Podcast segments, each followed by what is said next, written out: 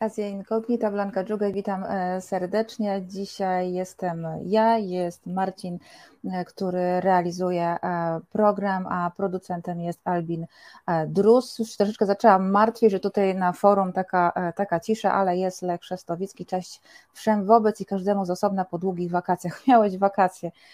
Wow, jakie zazdroszczę, naprawdę. Kocham swoją pracę, ale już czuję, że potrzebne mi są wakacje. No ale teraz jestem z Wami i to jest, e, i to jest super, to prawie jak wakacje. I teraz bardzo proszę e, wszystkich, wszystkich naszych widzów o e, mocne trzymanie kciuków, żeby nam się dzisiejszy program udał. Dzisiaj rozmawiamy o Libanie i mamy połączenie z Libanem, co wiecie, różnie może być. Także trzymamy kciuki, modlimy się do wszystkich bóstw. Półtora tygodnia temu, e, o dzień dobry, dobry wieczór, Krzysiek jest, dobry wieczór, e, Bart, super, że was, e, że was widzę, że mimo pogody takiej fantastycznej jesteście tutaj mm, z nami. Półtora tygodnia temu mniej więcej w Bejrucie mężczyzna 42-latek zabarykadował się w siedzibie Banku Centralnego, wziął zakładników, groził, że się podpali. Siedem godzin trwały negocjacje. Mężczyzna domagał się mm, wypłaty chociaż części swoich pieniędzy zgromadzonych w, tym, e, w walucie e, w tymże e, banku.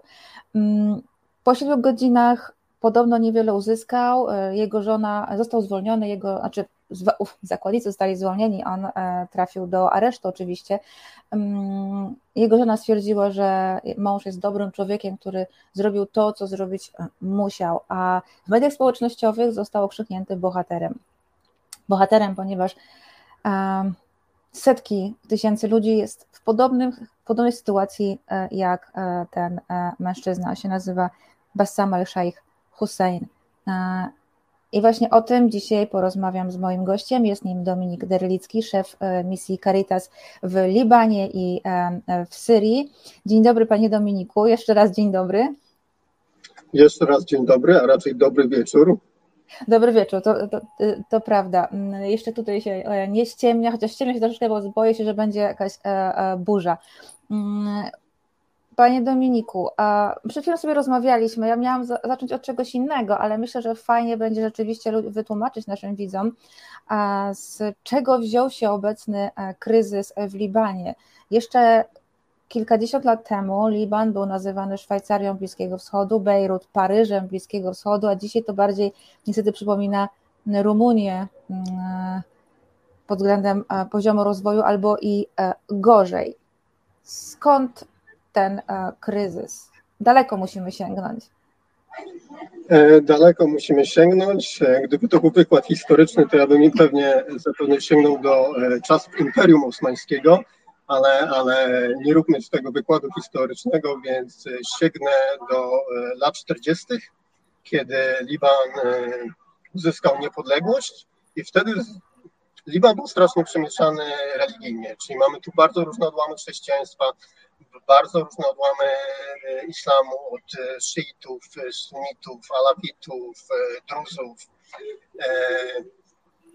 po uzyskaniu niepodległości, ze względu na to bardzo przemieszane społeczeństwo, stworzono coś takiego jak pakt narodowy. Więc żeby nie powstawały te jakby starcia czy e, konflikty na tle religijnym, po prostu podzielono każde, e, całe państwo według parytetu religijnego, czyli prezydentem będzie katolik z kościoła maronickiego, premierem będzie Sunita, przewodniczący parlamentu będzie Szyita, ministerstwa w rządzie też mniej więcej tak samo podzielono. I o dziwo ten system działał, tylko spowodował, że ludzie tak naprawdę nie czuli się obywatelami jednego narodu, libańskiego narodu, tylko czuli się przede wszystkim e, członkami swoich wspólnot religijnych. I takim symbolem, jak bardzo to społeczeństwo było podzielone, była 15-letnia wojna, która zaczęła się w 1975 roku i trwała do 1990. E, I ta wojna nikogo nic nie nauczyła, bo ten pakt narodowy nadal działa. Ze względu na to, że polityka jest już podzielona, jedno ministerstwo jest zarządzane przez tą wspólnotę czy, czy przez tą partię, inne ministerstwo jest zarządzane przez e, inną partię jest paraliż polityczny, jest paraliż polityczny tego, tego, e, tego kraju i no i to się przekłada w bardzo prosty sposób na kryzys ekonomiczny i gospodarczy. I ten kryzys dotyka właściwie mm, wszystkich sfer życia Libańczyków. E, zaraz oczywiście e, omówimy je po kolei, ale najpierw gdybyś, gdyby Pan mógł właśnie wymienić te sfery życia, które mm, dotykają najbardziej, które kryzys dotyka najbardziej. Uf, to temat rzeka. Wiem, lista jest długa, wiem. Mhm. Tak, no to może właśnie zacznijmy od tej historii bankowej, bo ta historia bankowa jest związana z tym, że w przeciągu ostatnich trzech lat e, waluta libańska straciła 90% swojej wartości. W sensie e, w stosunku do e, dolara amerykańskiego oficjalny kurs wymiany jest nadal taki sam, tylko on jest mhm. odklejony od rzeczywistości. Ten oficjalny kurs to jest 1 dolar amerykański to jest 1500 funtów libańskich, a kurs czarnorynkowy, według którego należy funkcjonować, to są 33 tysiące funtów libańskich. Tylko pensje, szczególnie w sektorze publicznym, rządowym, pozostały niezmienne. Czyli nauczyciel, żołnierz, policjant zarabiają dokładnie tak samo. A jeśli ktoś miał oszczędności w dolarach, które by pozwoliły właśnie w chwili obecnej korzystać z tego kursu czarnorynkowego i jakoś żyć, e, banki zajęły zajęły te pieniądze, które, te dolary, tą walutę, która była na, e, na kontach. Więc w chwili obecnej na przykład emeryt dostaje totalnie bezwartościową pensję w funtach libańskich, a jeśli miał oszczędności w dolarach, to nie jest w stanie, e, nie jest w stanie tego pobrać z banku. E, oprócz tego, e, oprócz tych rzeczy finansowych, że ludzie po prostu nie mają za co sobie kupić jedzenia, e, wszystkie produkty, jest hiperinflacja, wszystkie produkty podrożały i według mnie najbardziej dotkliwym i odczuwalnym e, problemem jest to, że państwo libańskie zasadniczo przestało dostarczać prąd obywatelom. Mhm. Może z tego rządowego prądu jest jedna czy dwie godziny dziennie. Ja też na przykład teraz nie nadaję z domu, mieszkam w przyportowej dzielnicy Bejrutu, ale nie nadaję z domu, bo po prostu nie mam prądu w domu. E, ten prąd, e, ci, którzy mogą sobie na to pozwolić, kupują komercyjnie z takich prywatnych generatorów. E, to jest oczywiście bardzo drogie, bo paliwo jest drogie, a te generatory są zasilane paliwem, więc często płaci się za to równowartość jednomiesięcznej, dwumiesięcznych pensji, pensji za trzy miesiące, i to też nie jest stały dostęp do prądu. No, ten generator działa powiedzmy przez 10 godzin dziennie. I mówię, to są szczęśliwcy. E, ci, których na to nie stać, no po prostu muszą się nauczyć ży życia bez prądu, trochę jak w średniowieczu. A jak sobie radzą e, takie instytucje jak szpitale e, czy przychodnie właśnie, w których no prąd jest, znaczy energia elektryczna no jest no, no, no konieczna. E, no teraz wszyscy się przestawiają na generatory albo w ogóle na systemy mhm. solarne, jeśli ich na to stać i mogą zainwestować te środki. Ale pamiętam, że jeszcze rok temu, chyba to był czerwiec, zdarzyły się takie przypadki, że e, szpital nie był na to gotowy, w Trypolisie na przykład, i w trakcie e, był jakiś chłopiec, który był podłączony do aparatury y, podtrzymującej życie. I w tym momencie nastąpiło przerwanie, e, przerwanie dostawy prądu. I ten chłopiec no po prostu zmarł. Więc zdarza, zdarzały się takie sytuacje. No w chwili obecnej już te instytucje, które w muszą działać, znalazły sposoby, żeby działać. To się zazwyczaj opiera na generatorach, do których się po prostu dostarcza paliwo, albo na alternatywnych systemach, jak panele solarne ale wiele instytucji, które są równie ważne, nie krytyczne, ale równie ważne, jak szkoły, e, no nadal, nadal ma problemy z działaniem. No, zobaczymy w ogóle, czy ten rok szkolny się e, wystartuje we wrześniu, bo może po prostu te szkoły nie będą miały paliwa, żeby, żeby przyjąć uczniów i generatorów. O szkołach to jeszcze za chwilkę porozmawiamy, bo to też jest tam jeszcze inna kwestia. Natomiast chciałabym powiedzieć, bo teraz no, dwa miesiące temu moja koleżanka, która jest żoną Libańczyka, ale mieszkają w Polsce, właśnie wrócili z Libanu po, po tym, jak odwiedzili rodzinę. No i wrócili wszyscy mocno przechorowani ze względu na to, że mm, trudno jest przechować po prostu żywność, która się nie psuje. Mm, czy to też wpływa właśnie na to, że no, restauracje padają? Czy jak e, sobie radzą? Znaczy wiele restauracji padło, szczególnie jeśli mówimy o Bejrucie, tej dzielnicy przeportowej, to padło w wyniku, e, w wyniku tego wybuchu. Po prostu zostały wybuchu, no tak. fizycznie, fizycznie jakby e, zniszczone. No, część tam się znowu otworzyła albo otworzyła się w innych lokalizacjach. No tak, ze względu na, na kryzys bardzo dużo restauracji pada, a to znowu jest powiązane jakby z dostępem do prądu. Mhm.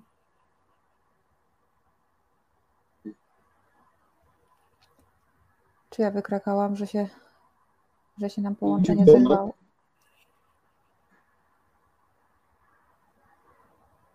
Słyszymy się Pani Dominiku? E,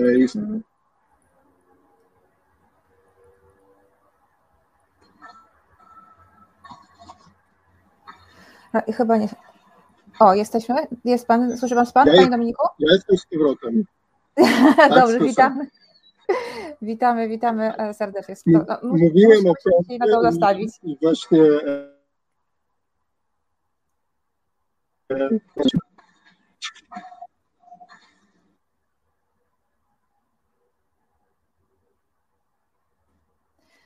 Chyba niestety mamy kłopoty z, z tym połączeniem. Może jeszcze spróbujemy, a spróbujemy raz, a za chwilkę się uda. Słyszy nas Pan, Jestem. Panie Dominiku? Dobrze, tak, jejku, tak. to jejku, dobrze, cieszę się w takim razie bardzo. E, to Panie Dominiku... Trzymamy to... kciuki. Ba... Cały czas, o, tak prowadzę dzisiaj program. Ale to, to e. mówiłem, mówiłem o tym prądzie, więc e, po prostu ja na przykład teraz mam taką metodę, że w, no, w nocy w ogóle nie mam prądu w mieszkaniu, więc moja lodówka totalnie się e, rozmraża, więc mam metodę, że po mhm. prostu podkładam bardzo dużo szmat, bo inaczej miałbym rano e, e, basen w kuchni. No i to jest niestety problem Aha. wielu libańskich rodzin. Po prostu nie ma jak przechowywać żywności. A, a, no, a, a, że ludzie są pochorowani, to z kolei jest spowodowane tym, że ponad 3 miliony mieszkańców Libanu nie ma dostępu do podstawowej opieki medycznej więc e, mhm. człowiek się zatruje jedzeniem i później nie, może, nie, nie ma jak trafić do przychodni. A czy to jest spowodowane właśnie tym wybuchem, który zniszczył, no, uszkodził wiele budynków szpitalnych i, i przychodni w, w, okol, w okolicy portu w Bejrucie? Czy jeszcze coś? Znaczy, kryzys, kryzys, przez który przechodzi teraz Liban, nie jest spowodowany wybuchem raczej ten wybuch był symbolem tego wieloletniego kryzysu, który mm -hmm. jakby niszczy ten, ten kraj. E, pamiętajmy też, że Liban to nie jest tylko Bejrut, więc jeśli 3 e, miliony mieszkańców Libanu, to jest prawie e, połowa mieszkańców Libanu, nie ma, nie ma dostępu do podstawowej opieki zdrowotnej, to to jest problem, który występuje w całym kraju i to są bardzo różne faktory, no, bardzo różne czynniki. Mhm. To może być spowodowane tym, że nie mają po prostu paliwa, żeby dojechać do tej, do tej placówki medycznej. Placówka medyczna może nie działać ze względu na paliwo. Mogą nie mieć pieniędzy, żeby dojechać, albo żeby otrzymać pomoc. Mogą nie mieć pieniędzy, żeby kupić leki. E, bardzo wiele leków nawet po cenach komercyjnych nie jest dostępnych, więc jest to złożona, złożona kwestia, no ale trzeba pamiętać, że e, jest to, jest to sytuacja absolutnie krytyczna. Jeśli ponad 3 miliony mieszkańców nie ma dostępu do podstawowej opieki e, zdrowotnej. I rozwija się w wielu przypadkach czarny rynek. Agencja Reutera przysyłała zdjęcia ludzi walczących o chleb. E, piekarnie nie nadążają e, go dostarczać. Twierdzą, że rząd nie dostarczył tej mąki dotowanej właśnie przez rząd. Rząd twierdzi, że absolutnie dostarczył, a na czarnym rynku ceny chleba no, osiągają jakieś w ogóle e, astronomiczne kwoty. No to, to wszystko zależy od perspektywy, tak? Jeśli mówimy o tej pensji tego policjanta czy pracownika rządowego, to jest no astronomiczna kwota. Pensja minimalna w Libanie, e, według tego oficjalnego kursu wymiany, czyli funtach libańskich, to jest 675 tysięcy funtów libańskich. W przybliżeniu to jest jakieś 100 złotych. Hmm. Więc e, a ro, ro, rodzina, ro, rodzina czteroosobowa, e, żeby wyżywić się przez miesiąc, musi wydać około 500 zł. Więc tak, z perspektywy Libanu to są astronomiczne, astronomiczne kwoty. E, niestety ten e, problem z e, dotowanym pieczywem, czy dotowaną mąką na wypiek tego pieczywa jest obecny w wielu innych krajach Bliskiego Wschodu i jest bezpośrednio związany z kryzysem na Ukrainie. Ukraina i Rosja razem były odpowiedzialne za prawie 30% e, eksportu pszenicy na świat. Jak tej pszenicy nie ma, no to oczywiście trzeba ją sprowadzać e, na przykład z Argentyny czy z Ameryki Południowej. E, koszt transportu jest o wiele wyższy, co jakby wpływa na, na ceny chleba. No ale to, to, to nie, Liban jest tu odosobnionym przypadkiem i to jest jakby cały region jest dotknięty tym. A, tak, bo przecież jest to ten sam problem jest w Tunezji ogromny, e, Syria, e, Egipt. Egipt miał z Indiami, już to mówiłam tutaj e, kilka razy w programie, Egipt miał z Indiami zawrzeć porozumienie, a wtedy w Indiach nastąpiła susza i musiały Indie z niestety e, zabronić po prostu e, eksportu e, pszenicy, której też nie produkują tak znowu bardzo dużo. Także Liban wpadł niestety taką chyba taką spiralę dramatów, które potęgują ten kryzys. Troszeczkę Pan już o tym mówił, ale czego jeszcze brakuje? Mamy produkty spożywcze, leki, benzyna. Widziałam też jakieś dantejskie sceny na stacjach benzynowych. E, to szczególnie w chwili obecnej, jeśli ma się pieniądze, ta benzyna jest dostępna, ale ja, według mnie najbardziej krytyczna sytuacja była rok temu. Po prostu mhm. e, były kilometrowe, kilometrowe kolejki do stacji benzynowej. W momencie, kiedy przywozili benzynę, wszyscy tam się ustawiali z bardzo brutalnych e, walk o tą benzynę na stacjach benzynowych. E, ludzie przynosili granaty na stacje benzynowe. Tam kilka, kilka osób e, zginęło właśnie e, od postrzałów. W październiku zeszłego roku w, na północ od Bejrutu, w takiej północnej części kraju Akar, wojsko libańskie zarekwirowało cysternę z czarnorynkowym paliwem. Ludzie zaczęli walczyć o tą cysternę. Znowu doszło do, do wybuchu.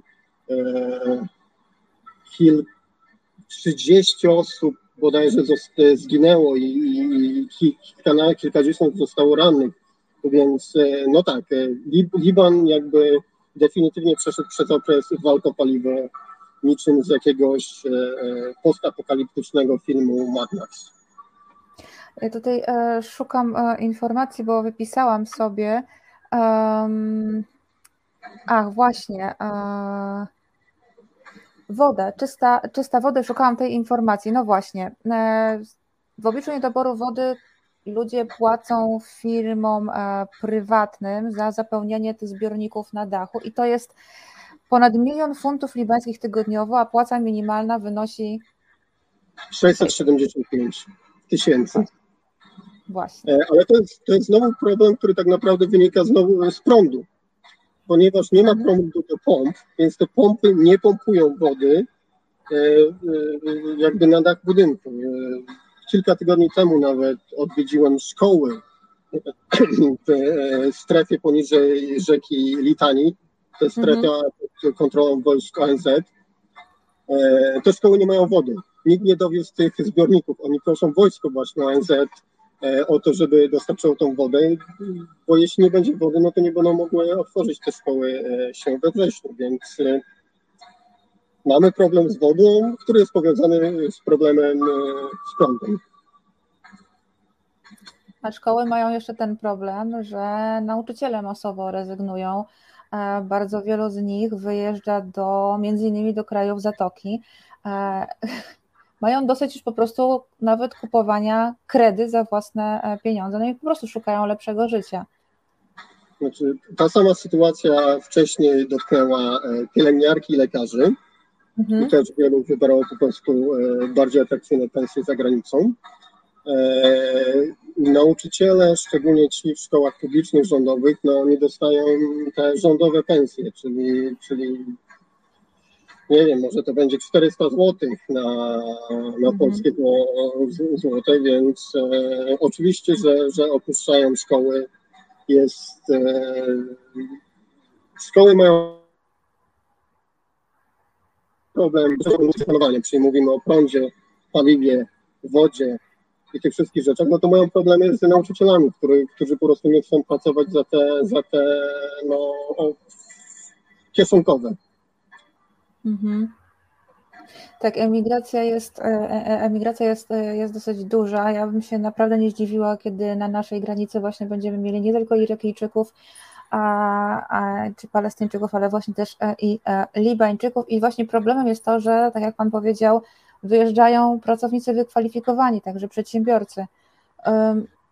Ale Liban to nie tylko dom dla Libańczyków, ale też dla innych narodowości od wielu lat także Syryjczyków. Ja, ja widziałam już, jak zmieniał się, e, zmienił się bardzo Liban po wybuchu wojny domowej w Syrii, jak właśnie napływali uchodźcy. Więc jeżeli taki e, dramat jest e, w rodzinach libańskich, to jaka sytuacja panuje wśród uchodźców, między innymi w obozach?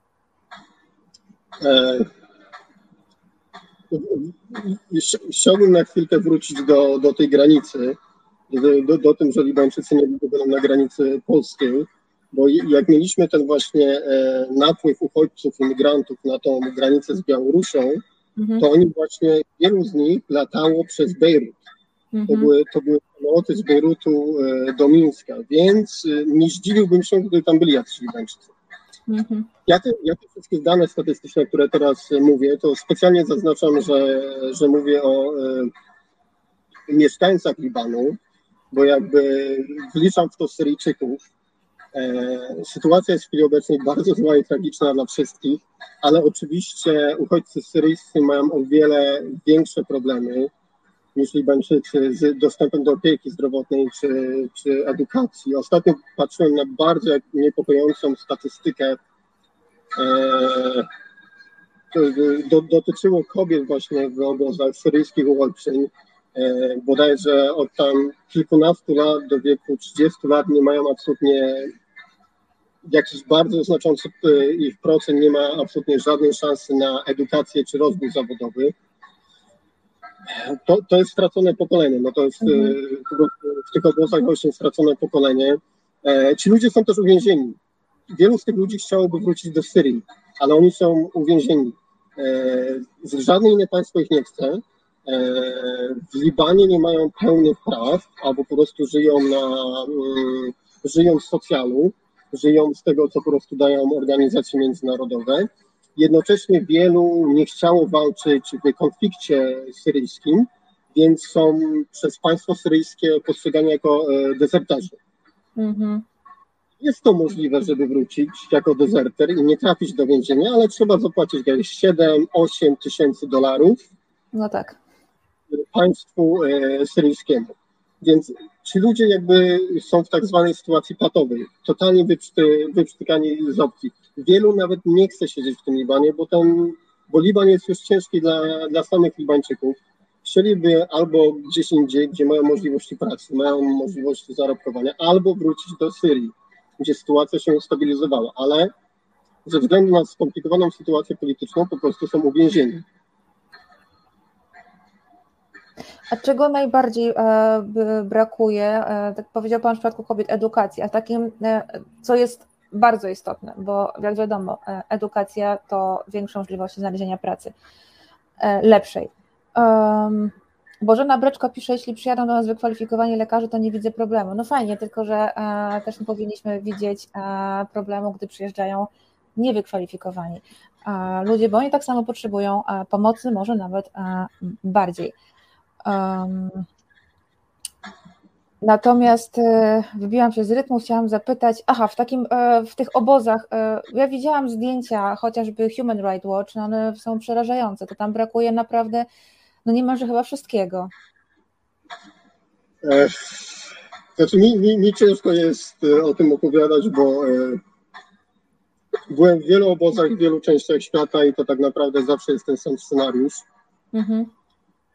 Ja uważam, że rozwiązaniem tego po części, to jest ten sam scenariusz również w innych krajach, jest po prostu w jakiś sposób zalegalizowanie statusu tych uchodźców czy migrantów, bo wtedy otwiera się im możliwości właśnie zdobywania e, takiej samej edukacji jak Libańczycy, w tych samych szkołach co Libańczycy, czy zarobkowania.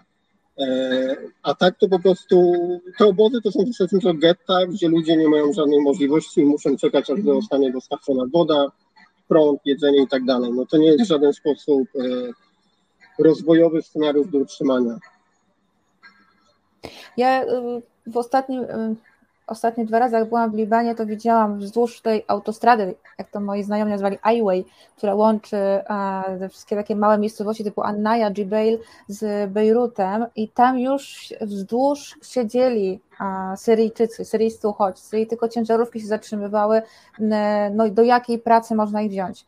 Ale co teraz, kiedy sami Libańczycy, no bo Libańczycy są specyficzni, oni nie chcieli takich niektórych prac wykonywać.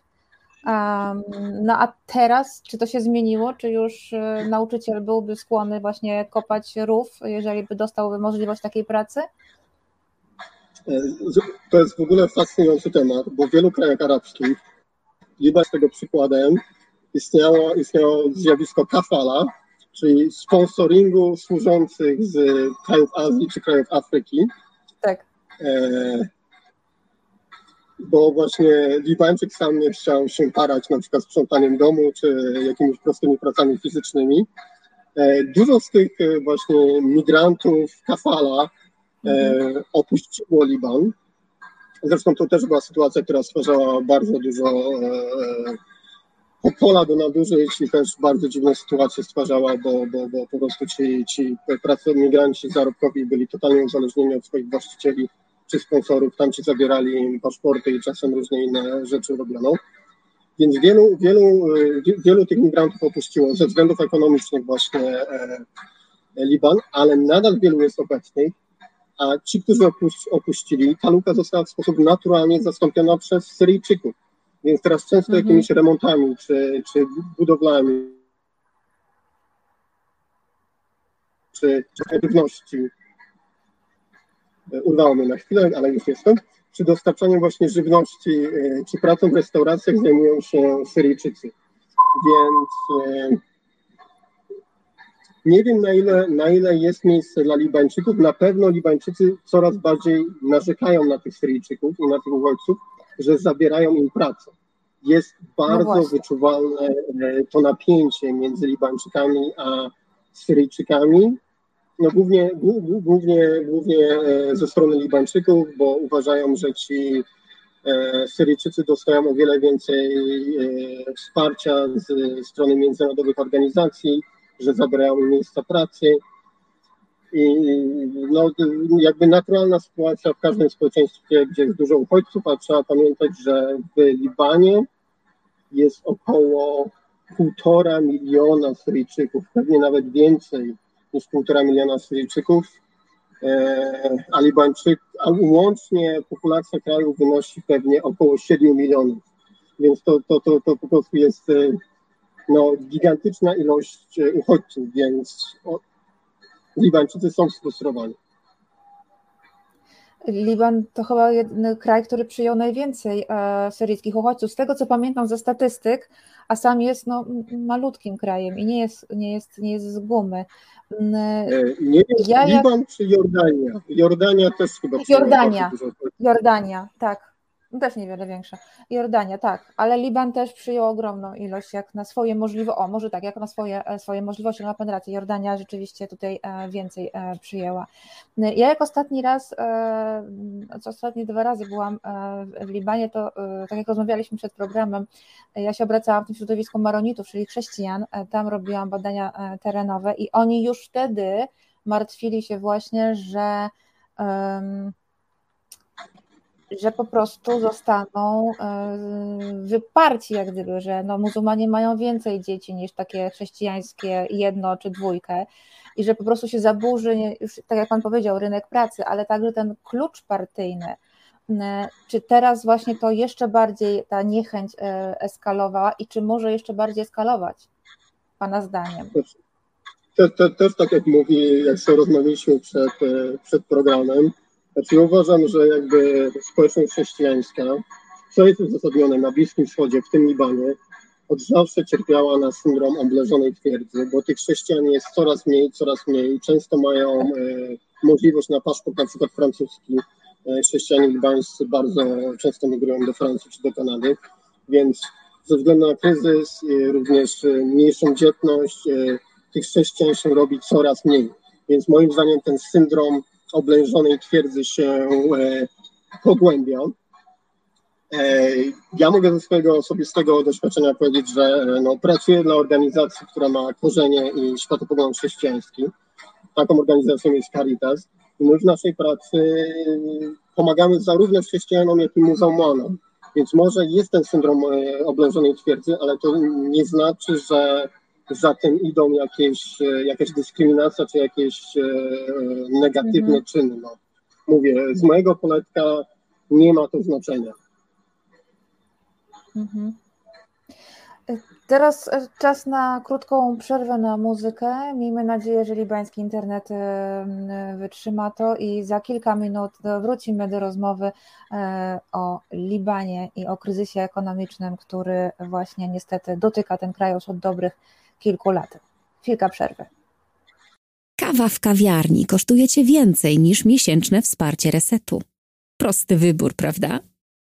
Wejdź na resetobywatelski.pl i kliknij w Obywateluj z nami. Radosław y, jutro, a tutaj teraz wracamy do Azja Incognita i rozmowy z Dominikiem Derlickim, e, szefem misji Caritas w Libanie i w e, Syrii. Rozmawiamy o sytuacji w Libanie, o tym jak pan Dominik jest na miejscu, więc no najlepiej lepiej niż ja wie, jak w tej chwili toczy się życie w Libanie. No i właśnie Ostatnio, co powiedział Pan, to o swojej organizacji. I to jest moje pytanie teraz.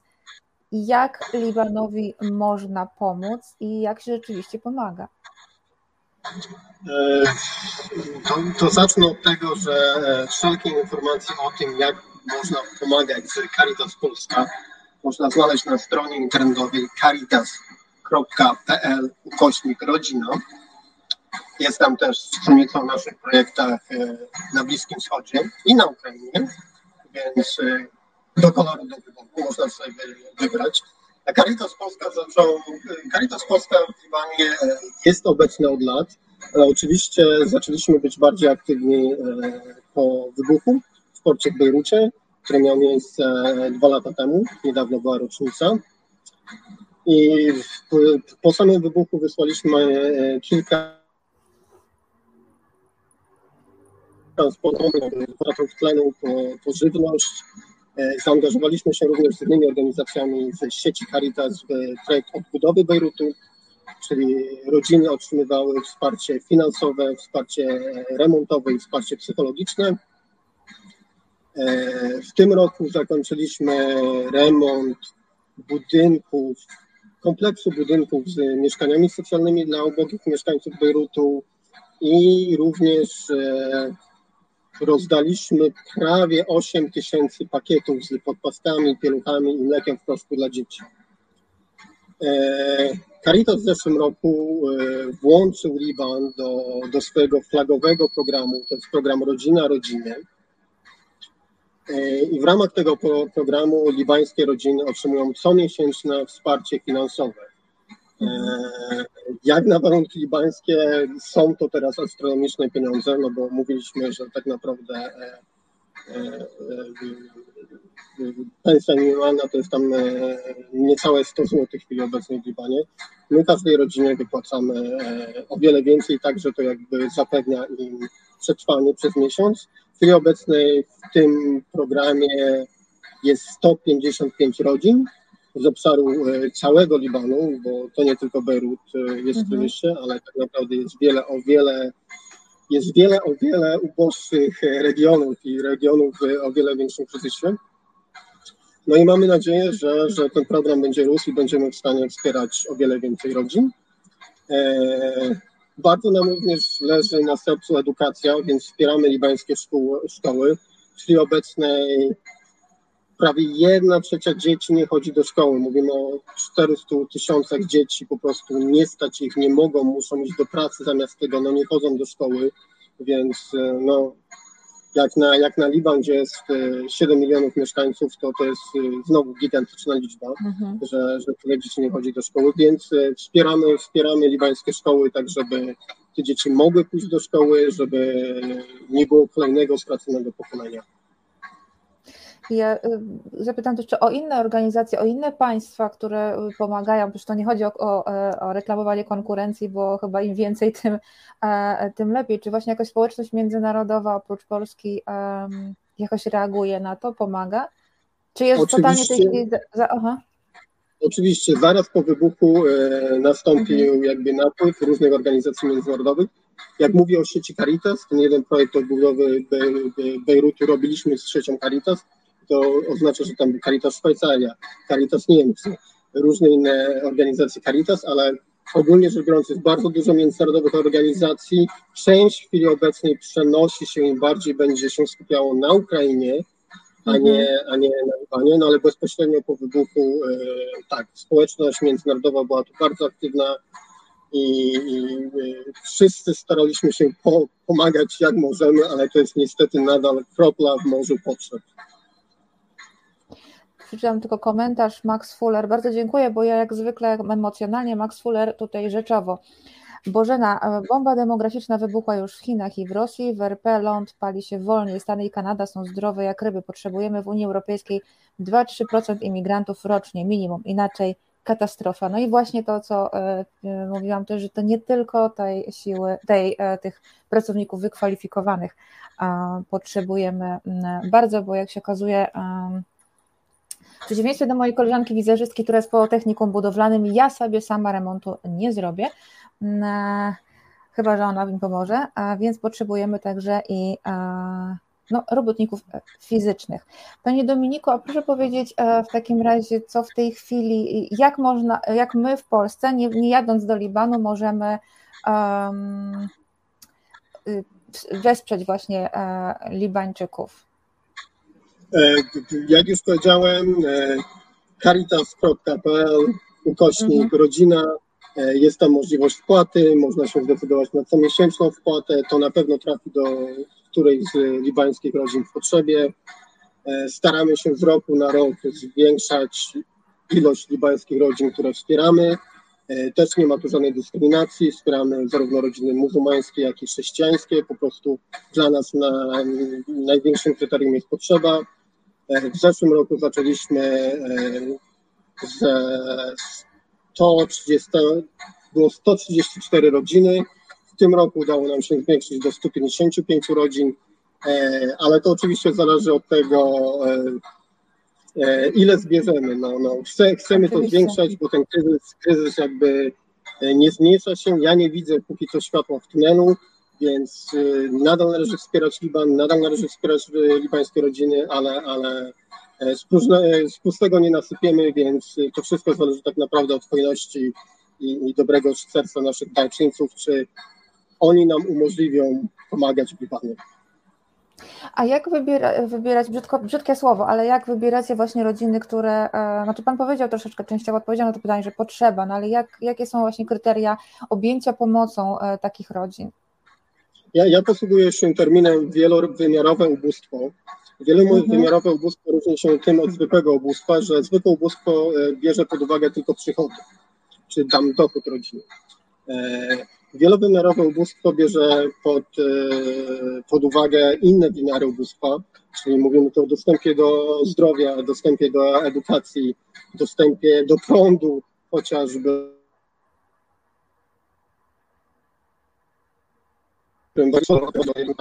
I w chwili obecnej 82% mieszkańców Libanu cierpi na wielowymiarowe ubóstwo. Mhm. I to są, to są plus minus kryteria, którymi się posługujemy. Ten program Rodzina Rodzinie, w ramach którego wspieramy finansowo comiesięcznie rodziny, e, nie jest obecny tylko w Libanie, jest obecny w wielu innych krajach i zaraz będzie startował również na Ukrainie. Ale w ramach tego programu właśnie bierzemy bardzo obiektywne kryteria i jednocześnie mhm. e, e, bierzemy pod uwagę kontekst lokalny. Czyli na przykład w Syrii, w Syrii braliśmy pod uwagę, czy ta rodzina ucierpiała, musiała się przesiedlić w trakcie konfliktu zbrojnego. W Libanie w zeszłym roku braliśmy pod uwagę, czy dana rodzina e, ucierpiała na skutek wybuchu. Mhm. W tym roku już nie jest to jakby kryterium decydujące, bo jak e, tu rozmawiamy prawie przez chyba 50 minut, e, kryzys jest obecny 45. Kryzys jest obecny w całym, w całym, w całym kraju, więc jakby no, ten, to kryterium wybuchu jest nieadekwatne. Więc po prostu bierzemy, e, no, posługujemy się pojęciem wielowymiarowego ubóstwa, czyli dochód, e, sytuacja zdrowotna, te wszystkie aspekty, które jakby wpływają na to, że rodzina jest potrzebna. Panie Dominiku, trudne pytanie. A propos jeszcze właśnie uchodźców. Max Fuller pyta, czy Caritas nie jest katolickim korkiem blokującym ten proces dopływu młodych, nowych obywateli do nas, jako obcych kulturowo? Pomoc na miejscu nie może być hamulcem. Ja, ja, ja, ja nie sądzę, że Caritas ma taką e, władzę, czy taką sprawczość, czy ta, taką siłę. No. E, to, co zazwyczaj hamuje e, przemieszczania się migra, uchodźców, imigrantów, to są regulacje państwowe i sytuacja polityczna. E, Albo mur na granicy. Albo mur na granicy i to znowu nie Caritas za ten mur odpowiada. Ja jestem... Tak, ja, tak, ja oczywiście. Jestem, ja jestem pracownikiem humanitarnym i uważam, że należy pomagać ludziom zawsze i wszędzie. E, Caritas pomaga uchodźcom również w Polsce i również mhm. tam e, działał na granicy, e, tej białoruskiej granicy polskiej. Postawialiśmy tam namioty, woziliśmy tam produkty żywnościowe, kurtki, e, pieczaki i tak dalej, co nie oznacza, że nie należy również działać tutaj na miejscu. No, no, Caritas nie ma takiej sprawczości, jedyne co my robimy, to staramy się pomagać gdzie i jak można. Jest jedna rzecz, której ja się, e, ja się obawiam, e, a Pan jest na miejscu, więc na pewno e, Pan to, pan to widzi. Jak, czy nie ma jakiegoś takiego wzrostu postaw właśnie fundamentalistycznych wśród młodych Libańczyków? Jak oni teraz patrzą na świat, który no może nie pomaga im tak, jak oni by chcieli?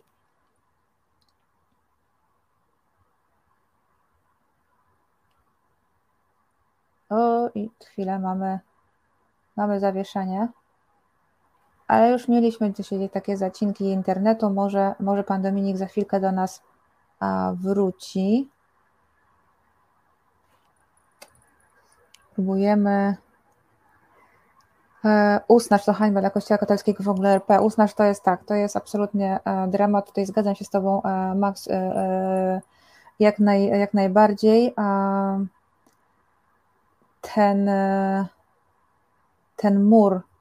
E, na pewno też widzieliście e, te.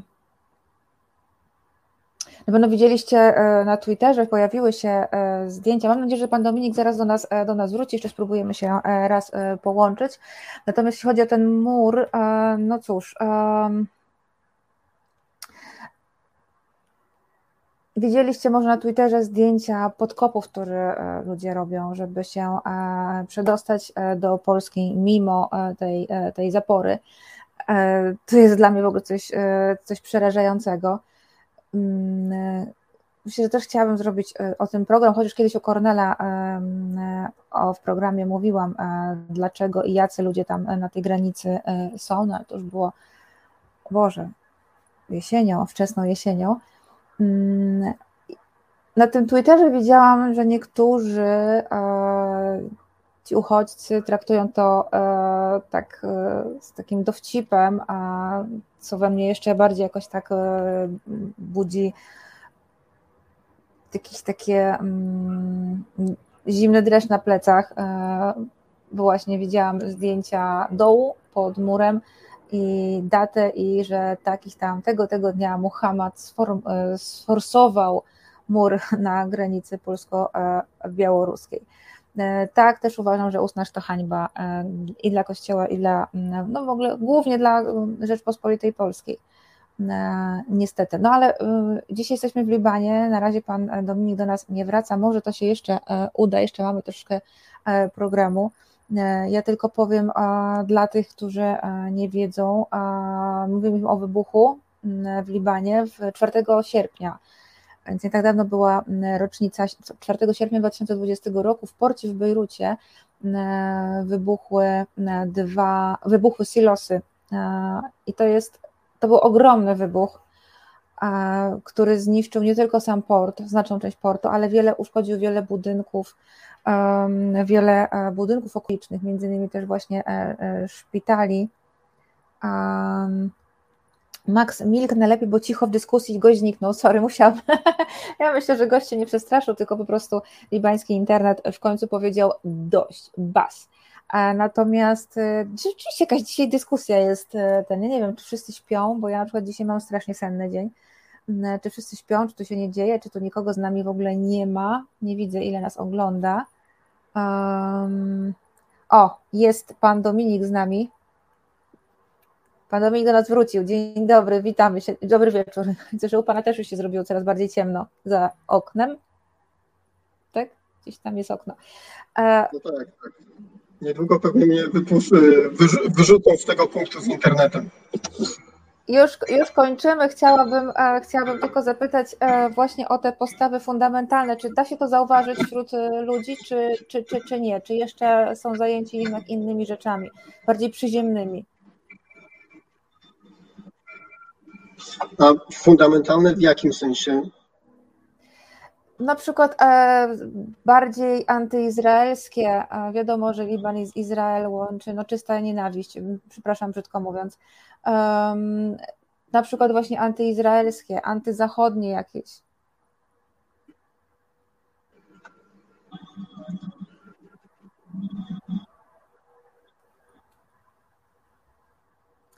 Oj, chyba nam już połączenie nie da porozmawiać dalej. Tomasz Szyndralewicz, samej rzeczy zaspałem. Mhm, ja to rozumiem. Muszę Wam powiedzieć, że mm, położyłam się na chwilkę E, e, na chwilkę e, kot na łóżku przed programem, kot się do mnie wdrapał, mówię, no hej, będzie ciężko, żeby tylko nie zaspać. Lech Szestowicki, Piotrek Czaban szerzej mówił wczoraj u Tomka o granicy z Białorusią, a to wczoraj, wczoraj nie widziałam. Wczoraj byłam do późna w pracy. High res Dobry wieczór prowadzącej i gościom. Serdecznie pozdrawiamy Ciebie też. E, pozdrawiamy. Dobry, e, dobry wieczór. Mm, co tutaj się jeszcze działo? No, no dobrze, ok, jesteśmy na bieżąco. Nie wiem, co się dzisiaj dzieje, słuchajcie, w tej dyskusji, że Was tutaj tak zupełnie nie ma. No dobra, to ja wracam do kwestii tego wybuchu w, w, w Bejrucie.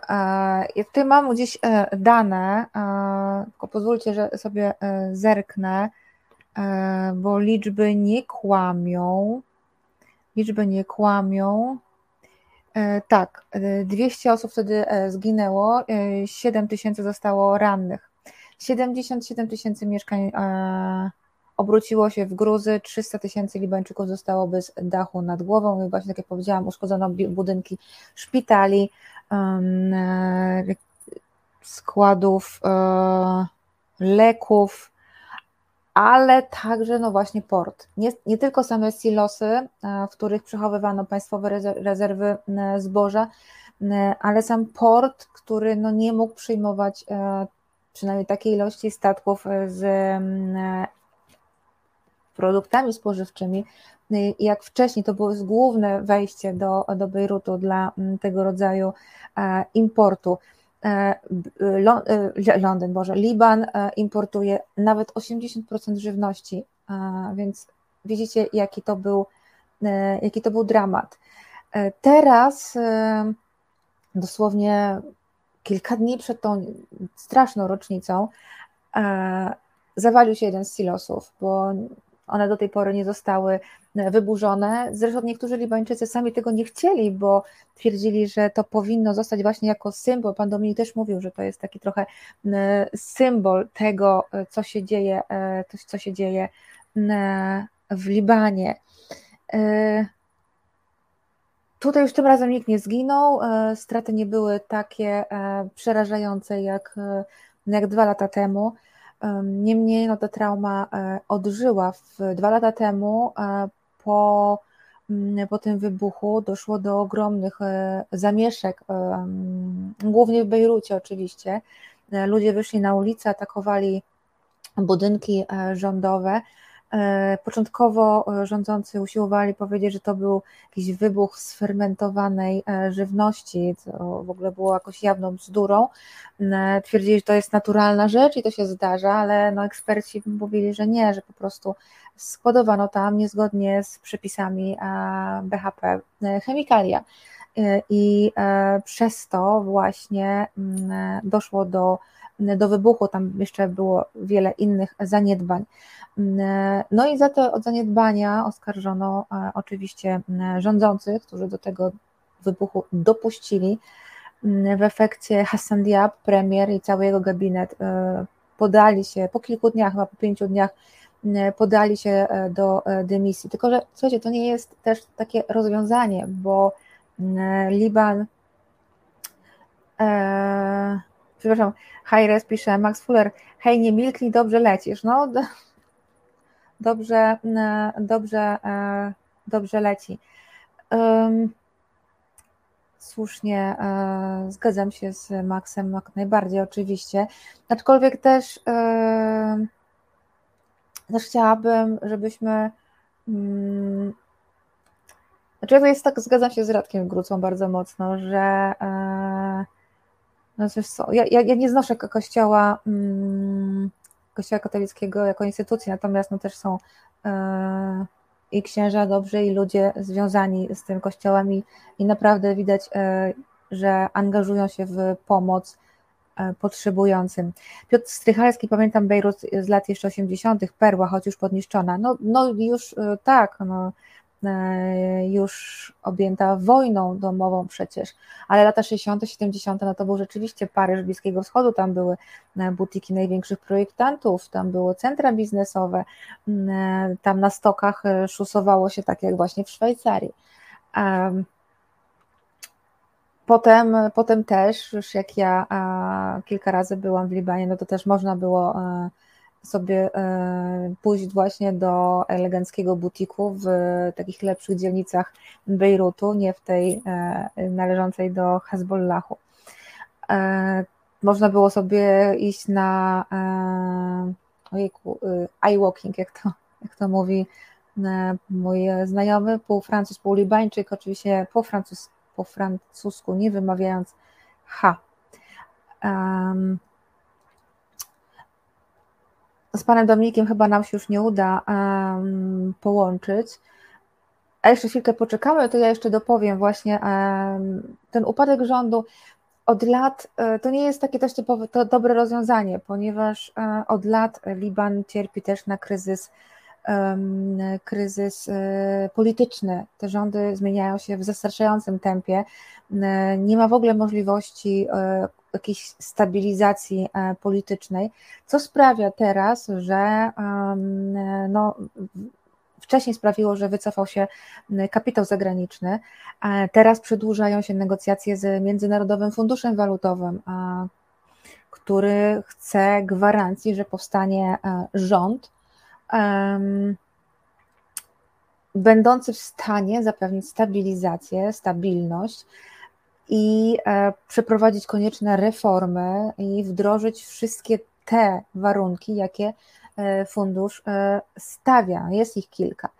Mm, natomiast w tej chwili Najib Mikati, premier, nie jest w stanie od czerwca sformułować rządu. Mm, wiele wskazuje na to, że utrudnia mu to po prostu prezydent Michel Aoud, Mikati e, przedstawił, e, bardzo szybko przedstawił projekt, e, skład rządu. Prezydent go nie zaakceptował, nie podając żadnych tak naprawdę nie podając żadnych takich poważnych ku temu powodów, Teraz w październiku mają być wybory na stanowisko prezydenta, ale niedawno szef libańskiego Hezbollahu powiedział coś, co zatrwożyło Libańczyków i komentatorów, mnie też, nie ukrywam, bo powiedział, że trzeba sformułować rząd, nawet e, jeśli nie uda się wybrać prezydenta.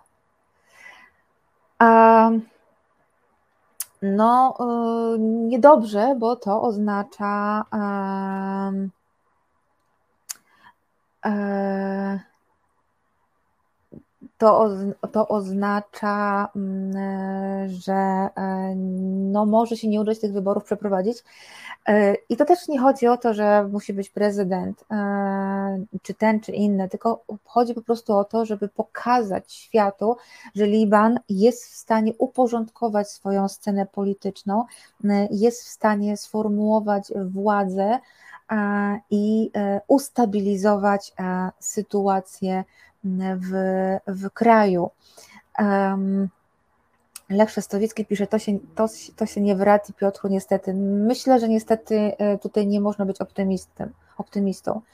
E, ja zupełnie e, głupio i prywatnie powiem, że miałam takie marzenie za każdym razem, jak byłam w Libanie i, no i między pobytami, pobytami bo kocham, pokochałam Liban i Syrię no naprawdę miłością prawie taką jak Indie. I tak Liban wybrałam sobie, jak wygram w lotto, wiecie, 2 miliony może, to w okolicach Hannai, Jibail e, kupię sobie małą działkę i tam będzie mój e, dom zimowy, znaczy na polską zimę. Annaja i Jibail to są takie małe miejscowości e, pod Bejrutem, około 40-50 kilometrów od Bejrutu, które dla mnie są takie były, bo to, tego świata już nie ma, były mm, Okej, okay, mam tutaj maile, mamy wiadomość, że panu Dominikowi chyba już na dobre padł internet. No niestety, ale i tak wytrzymał bardzo długo, bo 53 minuty liczyłam, mogliśmy sobie e, porozmawiać. E, Marcin, gdybyś mógł podziękować e, panu Dominikowi, ja oczywiście też się odezwę. Także Dominik Derlicki, szef misji Caritas w Libanie. Um, i w Syrii był moim gościem, jest na miejscu, no ja w Libanie już kilka lat nie byłam od czasu pandemii niestety, więc on e, widział, widzi więcej niż, e, niż mogę wiedzieć ja. Kacper Czerwonka pisze, nic z tego, przed chwilą kupiłem e, los i to ja mam wygrać. Ha! No i nie będzie zimowego domu pod Bejrutem. Demet, Kacper, podzieliłbyś się. Chociaż teraz i tak, i tak bym nie mogła, bo moja praca już w tej chwili e, mi na coś takiego e, e, nie pozwala. Reset to można robić z Libanu, chociaż też jak się okazuje, a niekoniecznie. Słuchajcie, no a propos właśnie tego, czy możemy być, to się nie wradzi, no mm, to chyba po czesku coś, coś innego znaczy, ale już trudno. Um, chciałam powiedzieć Wam, że, um, że trudno być optymistą. Kacper się podzieli, więc jednak, dobra, więc niech ten Liban e, się odbuduje. Raz się odbudował, słuchajcie, raz naprawdę um, się odbudował. E, Kacper będzie zapraszać e, do siebie na, do domu. Liban raz się odbudował, prawie że, chociaż jeszcze tyle lat po II wojnie domowej jak byłam, to w wielu miejscach straszyły jeszcze ruiny e, budynków zbombardowanych w trakcie, e, w trakcie wojny. To był niesamowity widok, słuchajcie, bo na takiej plaży e, na Marinie w Bejrucie, gdzie no, jachty, takie żaglóweczki i małe jachty stacjonowały panie w kostiumach kąpielowych, no, które kosztowały zapewne sporo pieniędzy i w biżuterii, które kosztowały jeszcze więcej, a, a jednocześnie e, e, dosłownie kawałek dalej no, widoczny budynek um, budynek um, budynek zbombardowany w trakcie wojny domowej. Także to był, to był niesamowity widok. Czy teraz będzie szybko? Nie jestem optymistką, głównie też ze względu na sytuację w Ukrainie, która też swoje zrobimy. Ja tylko odpiszę tutaj Marcinowi.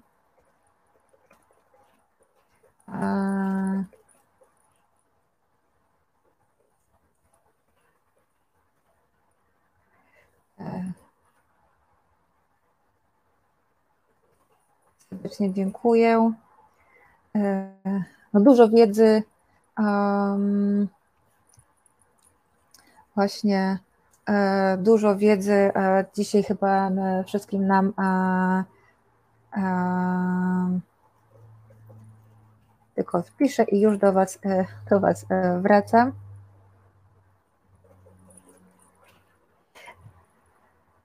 Jest bezpiecznie, żeby tam zimować. Tak. Um, było, było dosyć. Ja się czułam bezpiecznie w Libanie, bez, bez, bez problemu i teraz też bym pojechała. Um, Lech Szestowiecki również powiem, jak nastolatek marzyłem o podróżach do tak zwanego Orientu, teraz to ruina. Mm, trochę czasu się będzie, znaczy też zależy od jakiego, jakiego Orientu, prawda? No ale na pewno e, Syria, Liban, Tunezja, e, Egipt to jest w tej chwili, e, to w tej chwili e, Jemen, to w tej chwili e, dramat. Dobrze, słuchajcie, e, to co, robimy przepraszam, jeszcze coś tutaj nie przegapiłam? Nie, dobrze. Aha, Iwona Mikołajczak. Dobry wieczór, pozdrawiam. Dobry wieczór, Iwona, miło, że, że do nas e, dołączyłaś. Teraz zmienimy temat. E, pewnie e, będziecie zaskoczeni, bo zmienimy temat na mm, związany, zainspirowany słowami pewnej znanej polskiej blogerki modowej, która teraz zrobiła się jakimś, nie wiem, duchowym coachem czy jakimś innym problemem. A, Waldemar Wysokiński kupuje działkę obok mnie. Git. Git. E, przerwa na muzykę i niedługo do Was e, tutaj e, wracamy. Słuchasz Resetu Obywatelskiego. A, dobra, jesteśmy. Pani Blanka, jaki to wydatek w tak przybliżeniu? Nie mam pojęcia teraz, Waldek, nie mam zielonego pojęcia, bo w tej chwili waluta tak straciła, że musiałabym mocno się, się dowiedzieć. Są też w Libanie, tak jak Ci powiedziałam, wcześniej nie byłam już 5, 4, 5 lat, strasznie długo, strasznie długo. Słuchajcie, zmieniamy temat. Inspiracje do programu można znaleźć wszędzie i zaraz Wam powiem, gdzie znalazłam teraz, ale najpierw pokażę Wam, bo chodzi oczywiście o, o boginię Kali. Dzisiaj będziemy o niej mówić, wracamy do Indii, do hinduizmu, będziemy, będę, ja będę mówić o bogini e, Kali e, i powiem Wam, i powiem Wam, kiedy po raz pierwszy usłyszałam o tej bogini, chyba.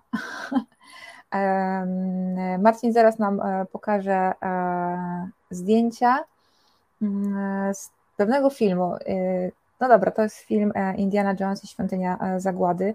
Ja nie pamiętam, byłam straszną smarkulą, dzieciakiem, jak oglądałam ten e, film i tam wizerunek bogini Kali, w ogóle hinduizmu e, jest, no, hmm, mniej więcej um, tak wykrzywiony jak, e, jak wizerunek archeologii, tak, właśnie. To jest, mamy jakieś, ten potwór w środku to jest właśnie bogini Kali, jest jakaś taka potajemna świątynia, wow,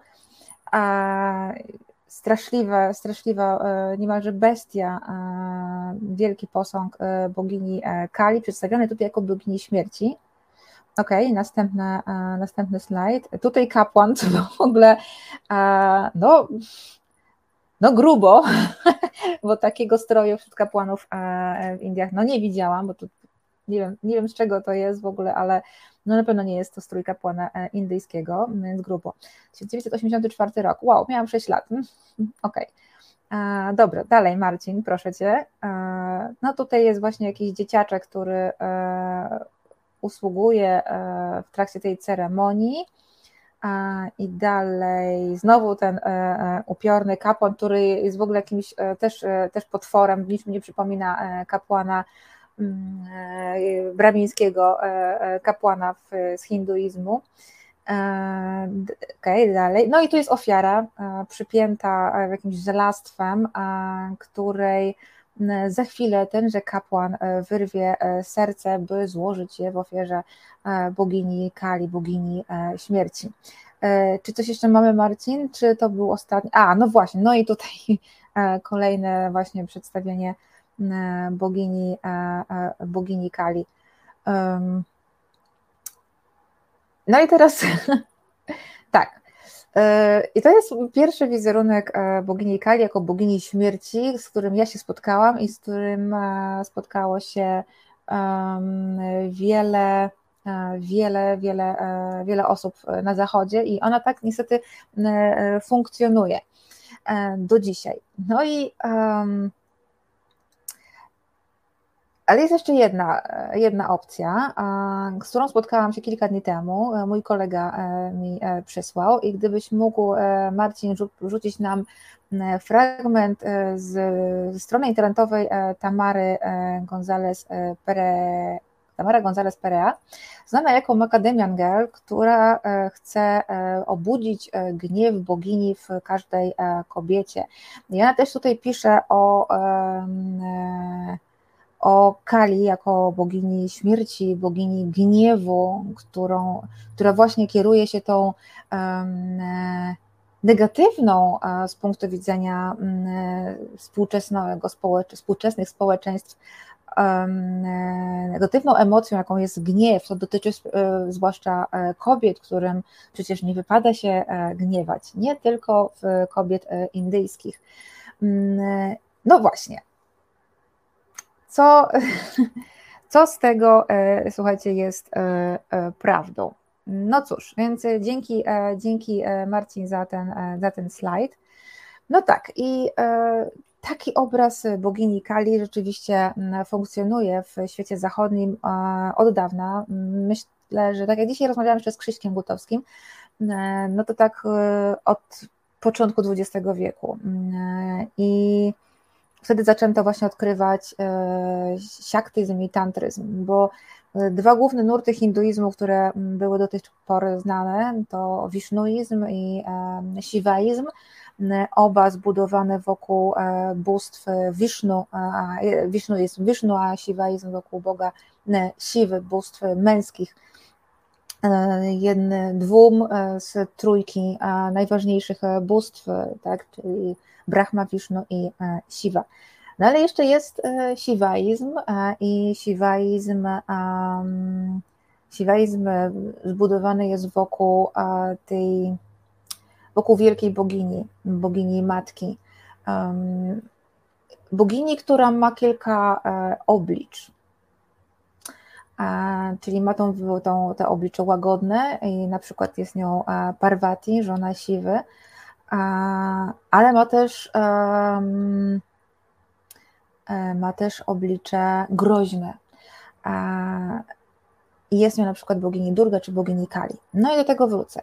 E, potem zaczęły się, e, potem zaczęły się nurty New Age, hipisowskie, które też właśnie ten wizerunek Kali przejęły. One patrzyły na siwaizm i tantryzm. Tantryzm też e, jest bardzo mocno związany z pierwiastkiem e, kobiecym e, no ale patrzyły na to, te nurty wszystkie patrzyły na to, subkultury patrzyły na sposób bardzo orientalizujący. Ktoś się kiedyś oburzył, gdy użyłam słowa orientalizować, no z neologizm, ale ja sobie mogę stworzyć, jestem filolożką, nieoficjalnie, ale jestem, więc mogę sobie tworzyć, um, tworzyć neologizmy, więc stworzyłam taki. I mam wrażenie, że właśnie, że, że e, te nurty patrzyły na, tak jak Macadamian Girl, e, w sposób bardzo orientalizujący, na e, siaktyzm, tantryzm i wielką boginię.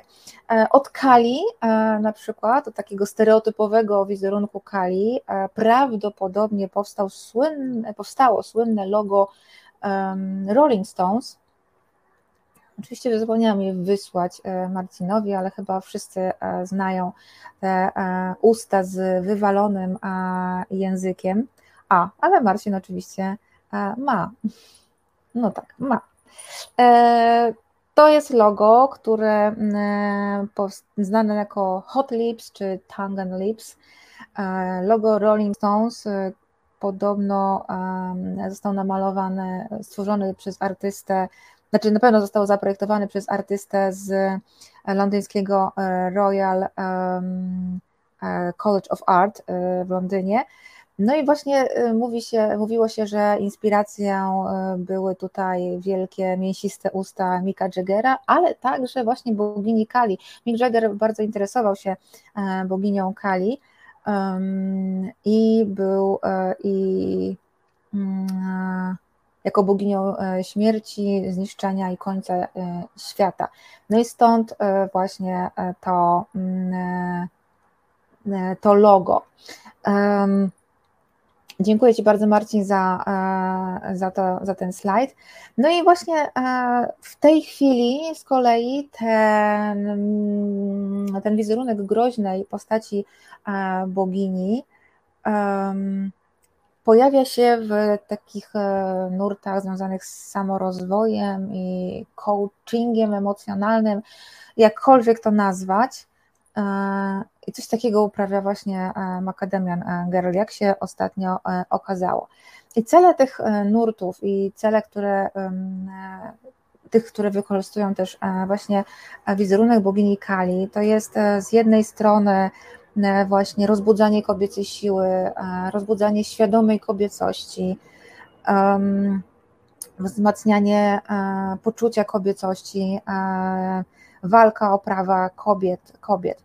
I to, co ciekawe, tutaj wizerunki bogiń, nie tylko Kali, ale też i Durgi na przykład, też groźnej postaci wielkiej bogini, E, są bardzo chętnie wykorzystywane także przez e, indyjskie mm, feministki.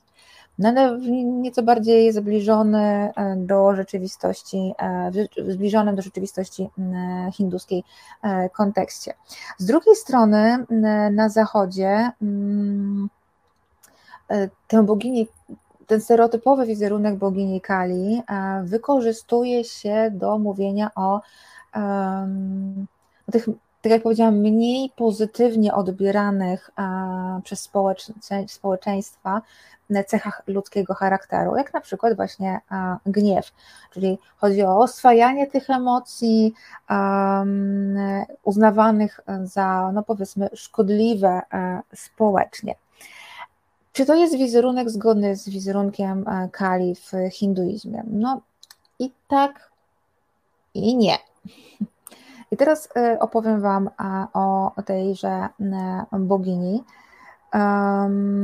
która na pewno inaczej wygląda w y, mainstreamie, nawet hinduskim, indyjskim i zachodnim, jak i czy jak też właśnie w tych nurtach e, siatkyckich i e, tantrycznych.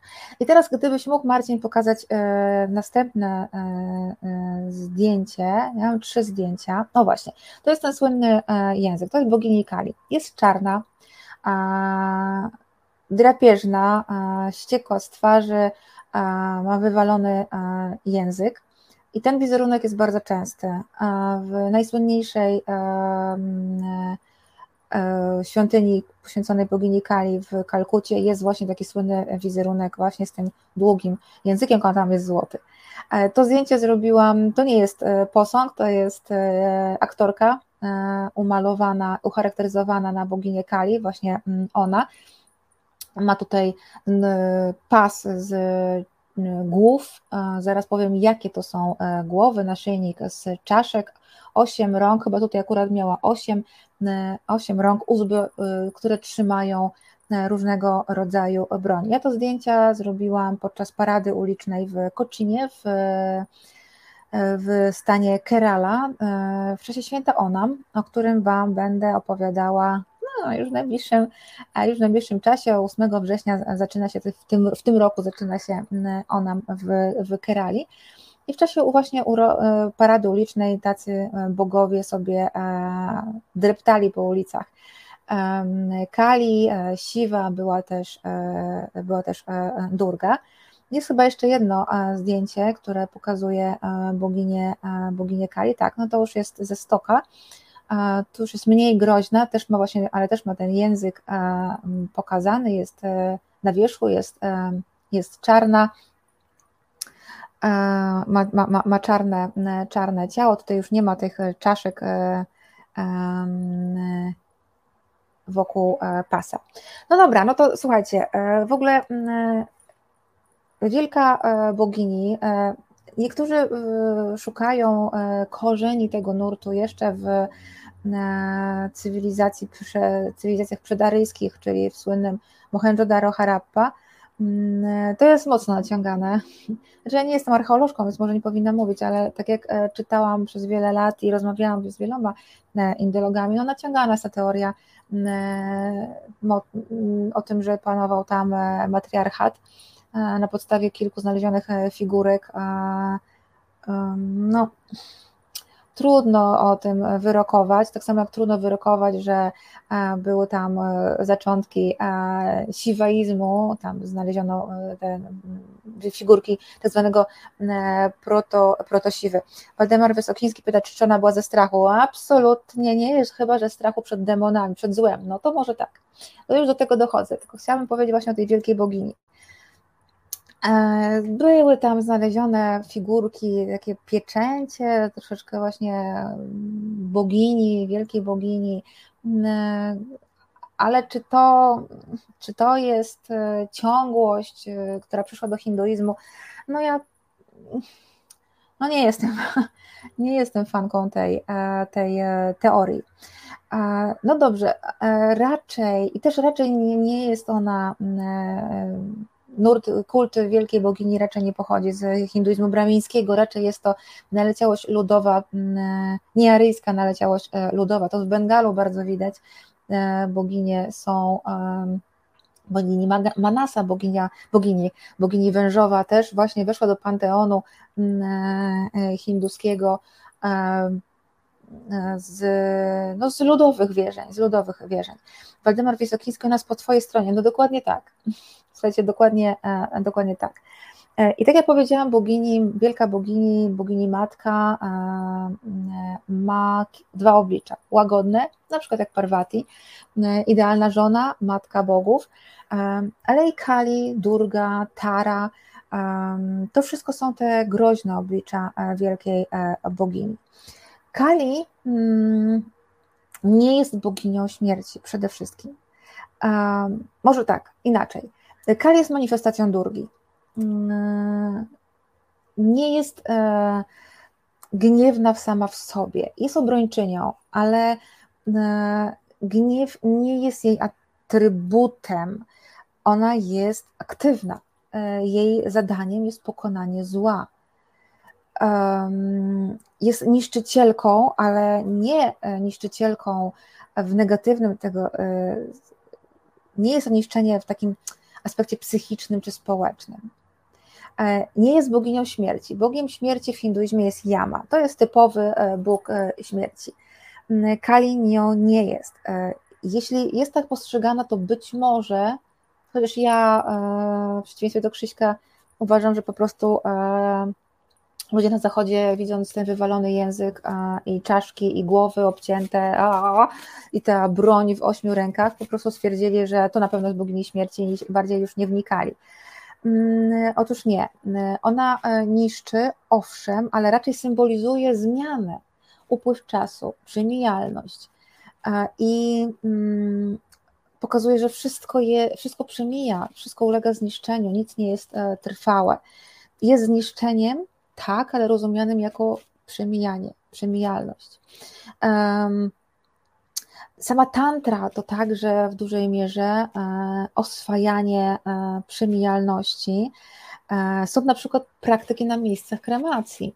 E, na zachodzie e, ludzie lubią myśleć, że o Jezu, oni czczą śmierć i chodzą po tych polach kremacji, smarują się popiołem z stosów kremacyjnych, no bo czczą śmierć. Nie, absolutnie nie. Dla tantryków praktyków tantryzmu, po prostu to pokazuje, te praktyki pokazują, że wszystko jest względne i wszystko jest przemijalne i śmierć i zniszczenie i przemijalność jest absolutnie oczywistym aspektem ludzkiego, ludzkiej egzystencji i tego koło, koła życia i śmierci. W tantrycznych wizjach jest, no dobra, więc może przejdźmy, e, może tak, najpierw ja bym chciała przejść do, mm, do tego, jak e, bogini powstała. Jej imię Kali.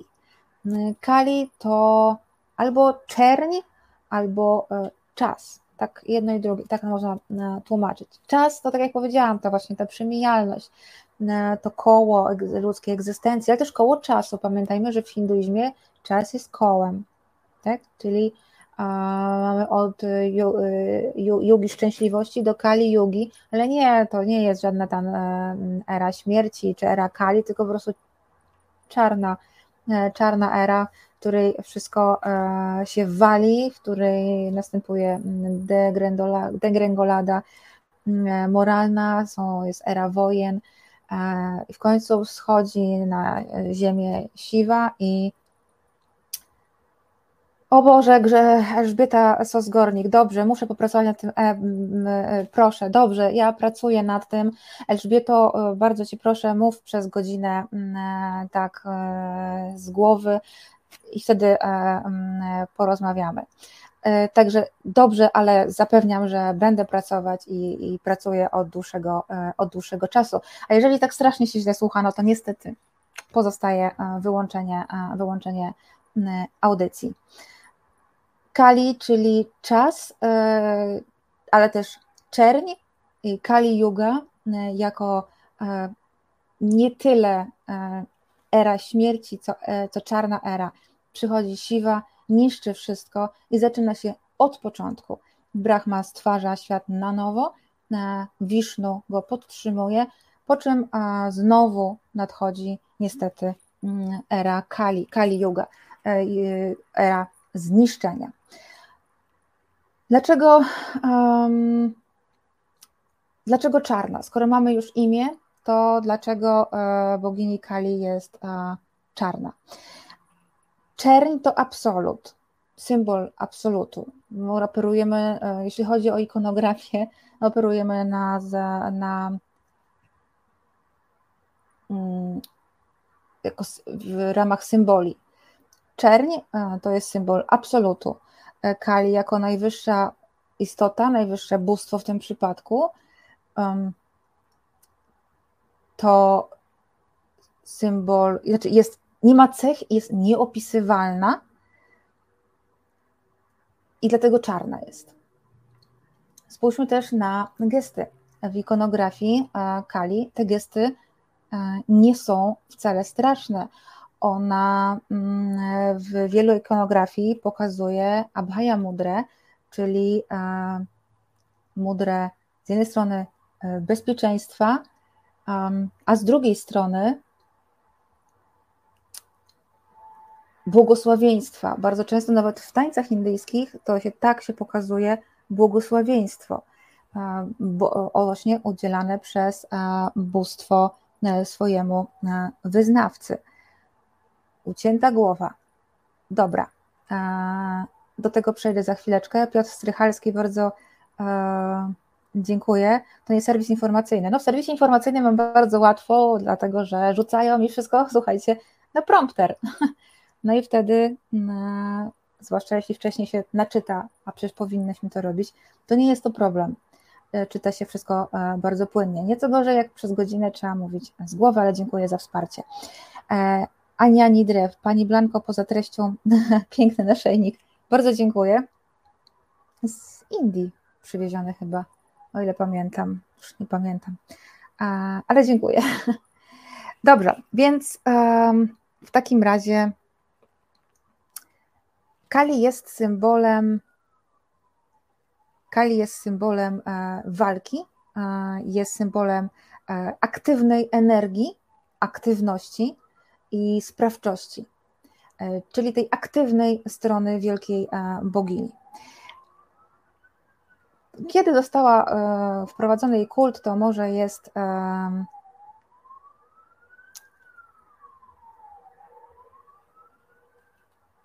jest mniej istotne. Przyjmuję przeprosiny, ja e, konstruktywną krytykę e, zawsze przyjmuję, ale konstruktywną wyrażoną w fajny sposób. E, natomiast wracając do Kali. Po ziemi grasował demon Raktabidzia, wyjątkowo wyjątkowo podła kreatura, której nie byli w stanie pokonać bogowie, męscy bogowie, ale też i boginie. Mm, osiem matek próbowało, ale się nie udało e, niestety. No i w związku z tym e, te osiem matek mm, zebrało się,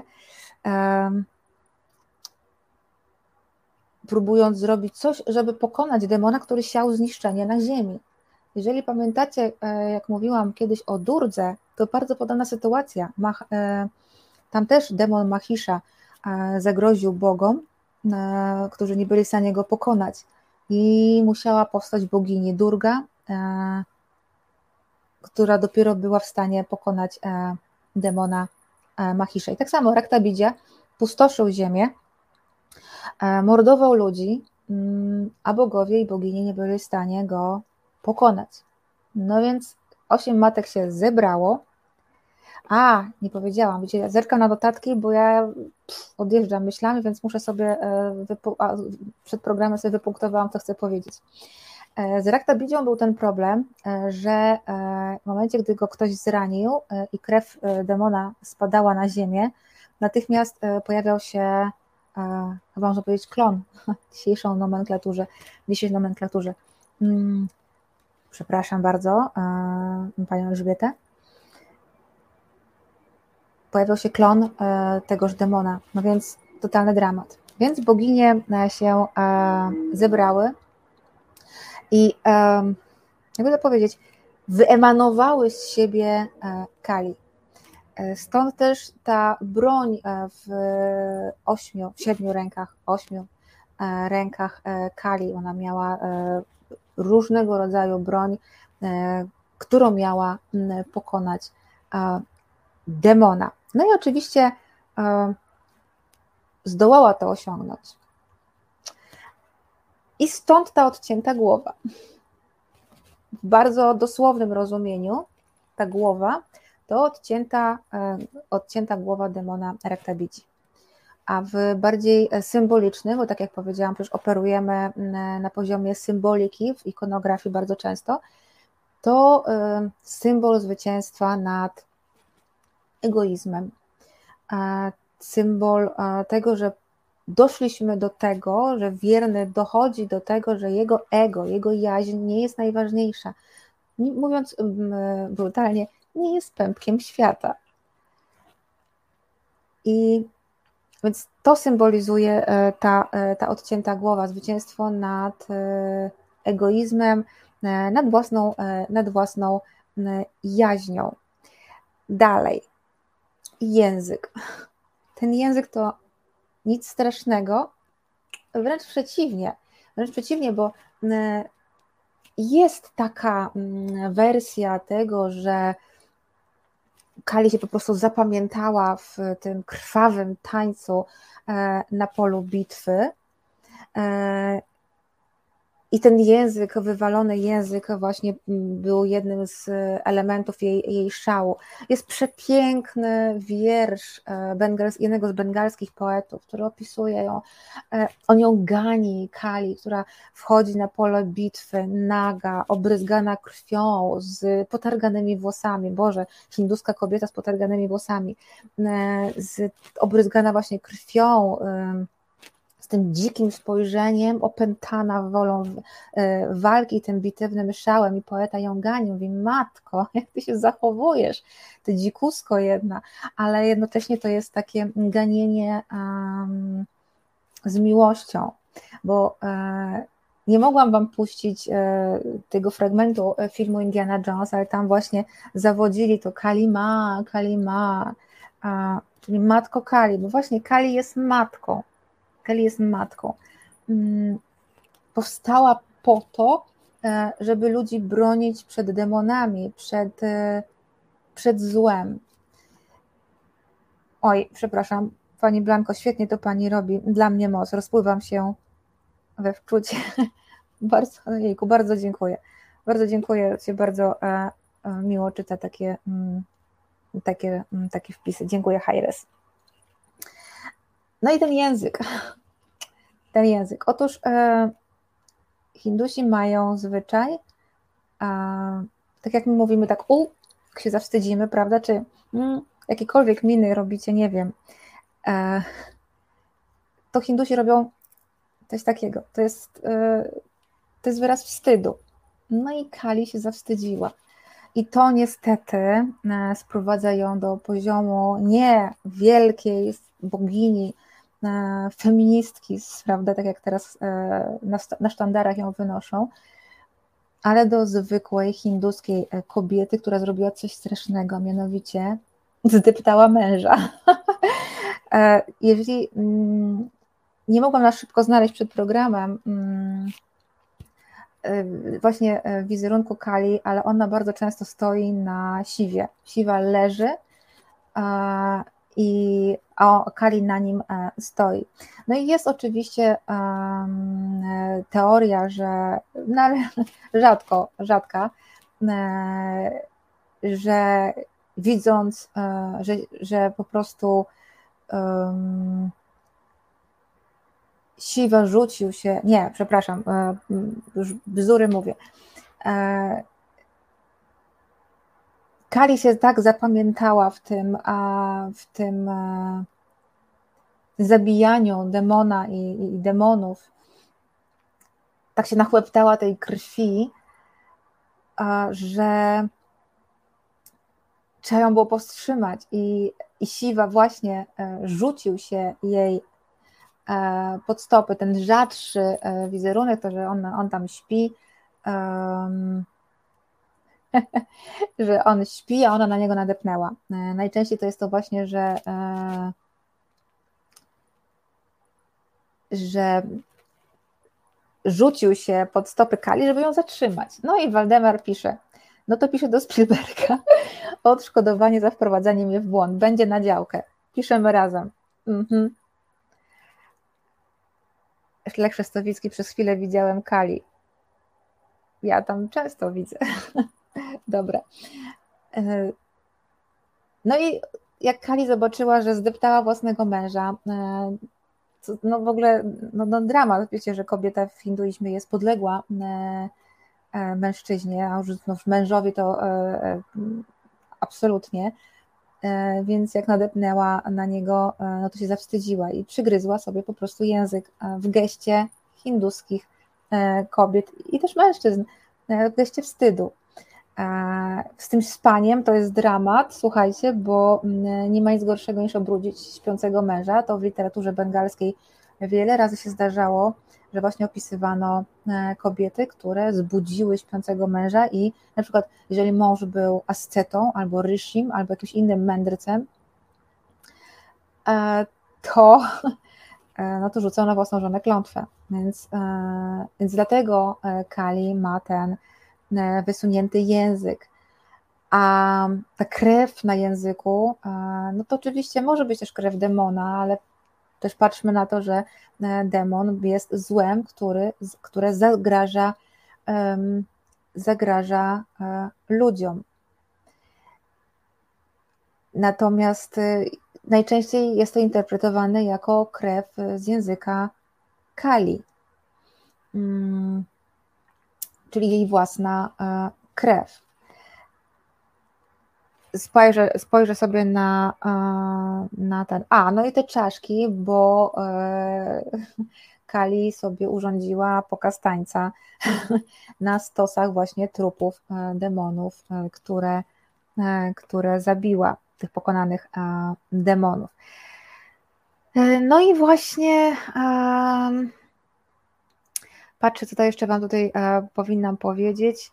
Okej, okay, no i właśnie. E, słuchajcie, jak mamy, Krzysiek dzisiaj też właśnie, jak sobie rozmawialiśmy przed, przed programem chwilkę, to zwrócił uwagę e, na bardzo słuszną rzecz. E, jeśli mamy, mm, jeśli mamy świętego Jerzego w chrześcijaństwie, który pokonuje smoka, on też czasami w niektórych wizerunkach stoi na smoku, wbija mu taką, nie wiem jak to się nazywa, dzidę czy co tam, nie znam się na broni, mm, to, mm, to nie mówimy, że on jest e, nie wiem, jakoś upojony gniewem, czy jest Bogiem gniewu i ten gniew wykorzystuje do, e, do pokonania mm, smoka. No, no to jest jakaś kompletna bzdura, prawda? I tak samo jest w przypadku Kali. Kali nie kieruje się, e, nie jest gniewem samym w sobie. Jeżeli jest wściekła, no to faktycznie jest wściekła na demona, na zło, ale to nie jest główna siła jej napędowa, absolutnie, e, absolutnie nie. E, w tym filmie Indiana Jones, aha, więc tak, dobrze, zamykając wątek Macadamian Girl, czy też Tamary González Perea, to jest to bardzo zniekształcony wizerunek e, bogini Kali. No taki, wiecie, pójście na łatwiznę, coś tam przeczytałam e, i teraz będę e, sprzedawać czaszkę bogini Kali za kilka tysięcy złotych, bo tam zdaje się idą takie jakieś dziwne, dziwne rzeczy w jej sklepiku. Więc troszkę tam coś e, wyczytałam. Moja babcia była szamanką w, gdzieś w Ameryce Łacińskiej, ale ja tutaj, o proszę bardzo, będę budzić gniew bogini Kali. Jestem bardzo za budzeniem e, świadomej kobiecości, e, bo jak kobiety jesteśmy zbyt zakompleksione, zbyt zamknięte w sobie i zbyt łatwo dajemy sobie wmówić, że nasze emocje negatywne są bardzo, bardzo negatywne i nie wolno nam ich okazywać. Więc jestem bardzo za. Mm, natomiast no też chciałabym e, wyjaśnić, wyjaśnić e, pewne, pewne kwestie. Dobra. E, Waldemar Wysokiński pyta, no to mam pytanie, dlaczego dominuje wizerunek tej bogini tak, taki przerażający, skoro sama jest ok, są jej wizerunki pokojowe? No nie no, Kali, znaczy pokojowe. Nie no, Kali to jest wizerunek taki, Kali ma taki wizerunek, jak Wam pokazałam. Groźny, no bo ona ma być groźna dla demonów, E, dla egoizmu, e, dla zbytniej rozbuchanej jaźni, e, symbolizuje ten, to, to, to zniszczenie. Ale wszystko to nie, nie czyni z niej postaci mm, negatywnej i na pewno nie czyni z niej bogini śmierci. Ona jest groźna, ale nie jest groźna dla człowieka. Absolutnie. Człowieka ona chroni. Jest matką. Ma, Kali ma. Jest, jest, jest matką. Tylko wiecie, matka też nas czasami musi, nie, chciałam powiedzieć, że mm, ochrzanić, tak? Więc y, czyści z miłości i z ignorancji. No, no z miłości, no, no trochę tak, no broni nas. I tak Hindusi postrzegają e, boginię, oni się jej nie boją, absolutnie. E, natomiast e, to jak my ją widzimy na zachodzie, no to niestety wynika z takich właśnie Academian Girl przekazów i innych mm, mocno zniekształconych. Nie wiem, czy ja tu wyjaśniłam e, dobrze. Kurczę, to strasznie, e, strasznie trudne do, do wytłumaczenia. Ale jest. E, ale jest jeszcze jeden aspekt, który chciałam Wam powiedzieć w nawiązaniu właśnie do, do Spielberga. Mm, tam ewidentnie jest ale jak wygląda, jak nie jest wkurzona? Znaczy ona nie, no ona zawsze wygląda tak samo. Kali wygląda tak samo, zawsze. Jeśli chcemy powiedzieć o łagodnym aspekcie wielkiej bogini, to idziemy i szukamy mm, Parvati na przykład, wizerunku Parvati, która jest tą łagodną, e, spokojną, może czasami bierną, chociaż nie w literaturze bengalskiej, e, wersją wielkiej bogini. Natomiast Kali zawsze jest groźna, ale nie jest groźna dla człowieka. Nie przynosi mu śmierci. Absolutnie nie. Bogiem śmierci jest Yama. Ponieważ e, miałam jeszcze opowiedzieć o książce związanej z e, Kali w, Pols w Polsce, ale oczywiście już nie zdążę, bo jak to ja się rozgadałam, to mm, e, kończy mi się czas, to chciałabym jeszcze powiedzieć o jednej rzeczy. E, czyli Och, Aniani e, Drew. Kali zwyczajnie z wojowniczką, matką tygrysicą. Dokładnie tak. Dziękuję. Mhm. Matka. Ja to mówiłam przez 40 minut, a Niani e, napisała to w jednym e, zdaniu. Można i tak. Można i tak. Dobrze, wracając do Spielberga i do Indiana Jonesa, którego e, mimo tego e, kocham miłością e, ogromną, wszystkie trzy części, ponieważ jestem w grupie osób, które uważają, że filmy o Indianie Jonesie miały tylko trzy części, czwartej nie było. Mhm. Dorota Hajińska. O, dzień dobry Dorota, spóźniona, słucham od początku, pozdrawiam wszystkich, pozdrawiamy Cię również.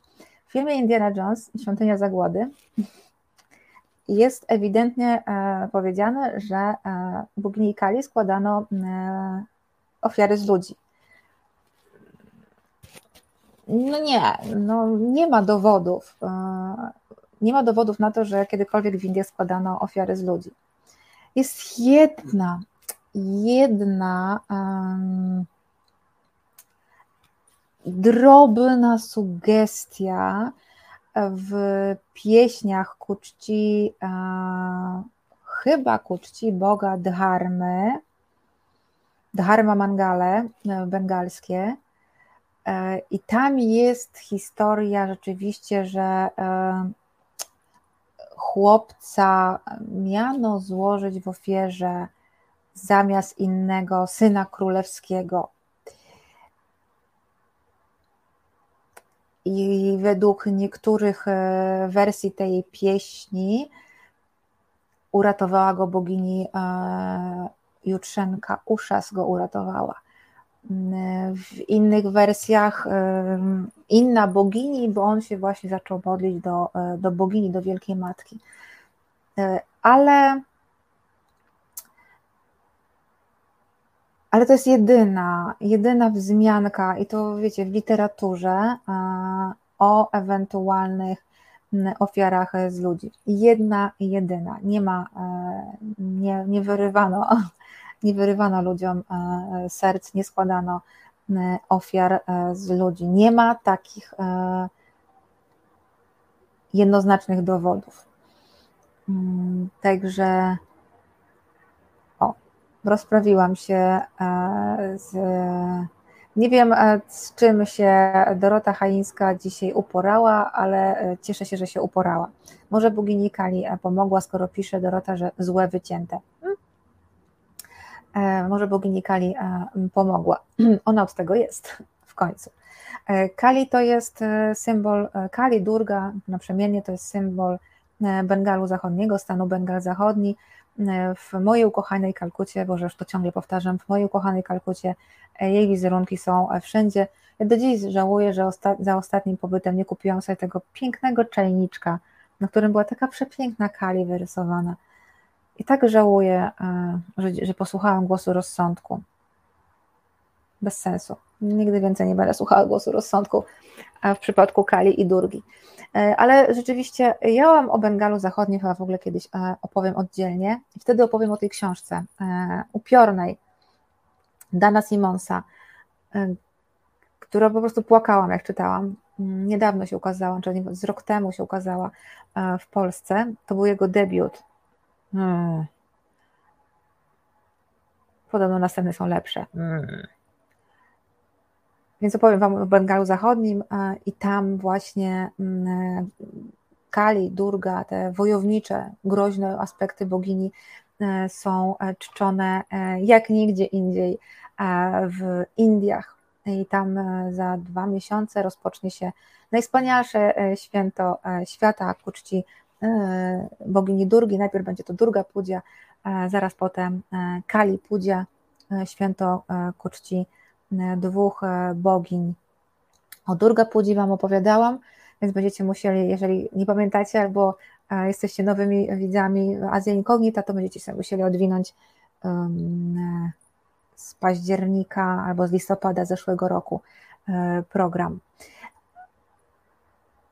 Także tyle chyba o, o bogini Kali i mam nadzieję, że trochę Wam rozjaśniłam i mam nadzieję, że Waldemar Wysokiński, świat mi się dziś zawalił i to jeszcze Harrison Ford się dołożył. Hmm. Przepraszam, ale wiecie, ja te wszystkie trzy filmy i tak i tak kocham, mimo że są totalnie bzdurne. mimo że no, archeologia też tak e, przecież nie wygląda. No ale to, czy to ma jakieś znaczenie? Są świetnymi filmami, ale też warto prawda, wiedzieć, e, na ile jest to, e, na ile jest to fikcja, a na ile jest to e, prawda. No dobra, i tym ja też przyznam, że jak już byłam trochę dużo starsza i przeczytałam o bogini Kali taką prawdziwą wersję, no to miałam poczucie, że ktoś mi zabrał dzieciństwo. Damn you, Spielberg, ale cóż, no, trzeba żyć dalej, nadal kochać te filmy. Trzy części, pamiętajcie, nie ma czwartej części, to jakaś pomyłka w ogóle, nie wiem co to jest. Dramat. To tyle, jeśli chodzi o dzisiejszą, e, e, dzisiejszy program Azja Incognita. Bardzo Wam dziękuję e, w imieniu swoim i Marcina, który nas przeprowadził przez ten program bez problemu, jak zwykle. Albin Drus był naszym producentem. W pierwszej części programu moim gościem był Dominik Derlicki, który jest e, od roku jest w Libanie i e, opowiadał nam o sytuacji w Libanie, o tym, jak żyją Libańczycy w obliczu jednego z największych kryzysów ekonomicznych we współczesnym świecie. No i Waldemar Wysokiński pisze, jak mówił Kargul, przyjdzie przywyknąć. Przyjdzie przywyknąć, a my widzimy się za tydzień. Hajres, wielkie dzięki Pani Blanko za wspaniały wieczór. Ja też, e, ja też bardzo, bardzo e, dziękuję za to, że byliście tutaj ze mną i z moim gościem i z Marcinem. Do zobaczenia za tydzień.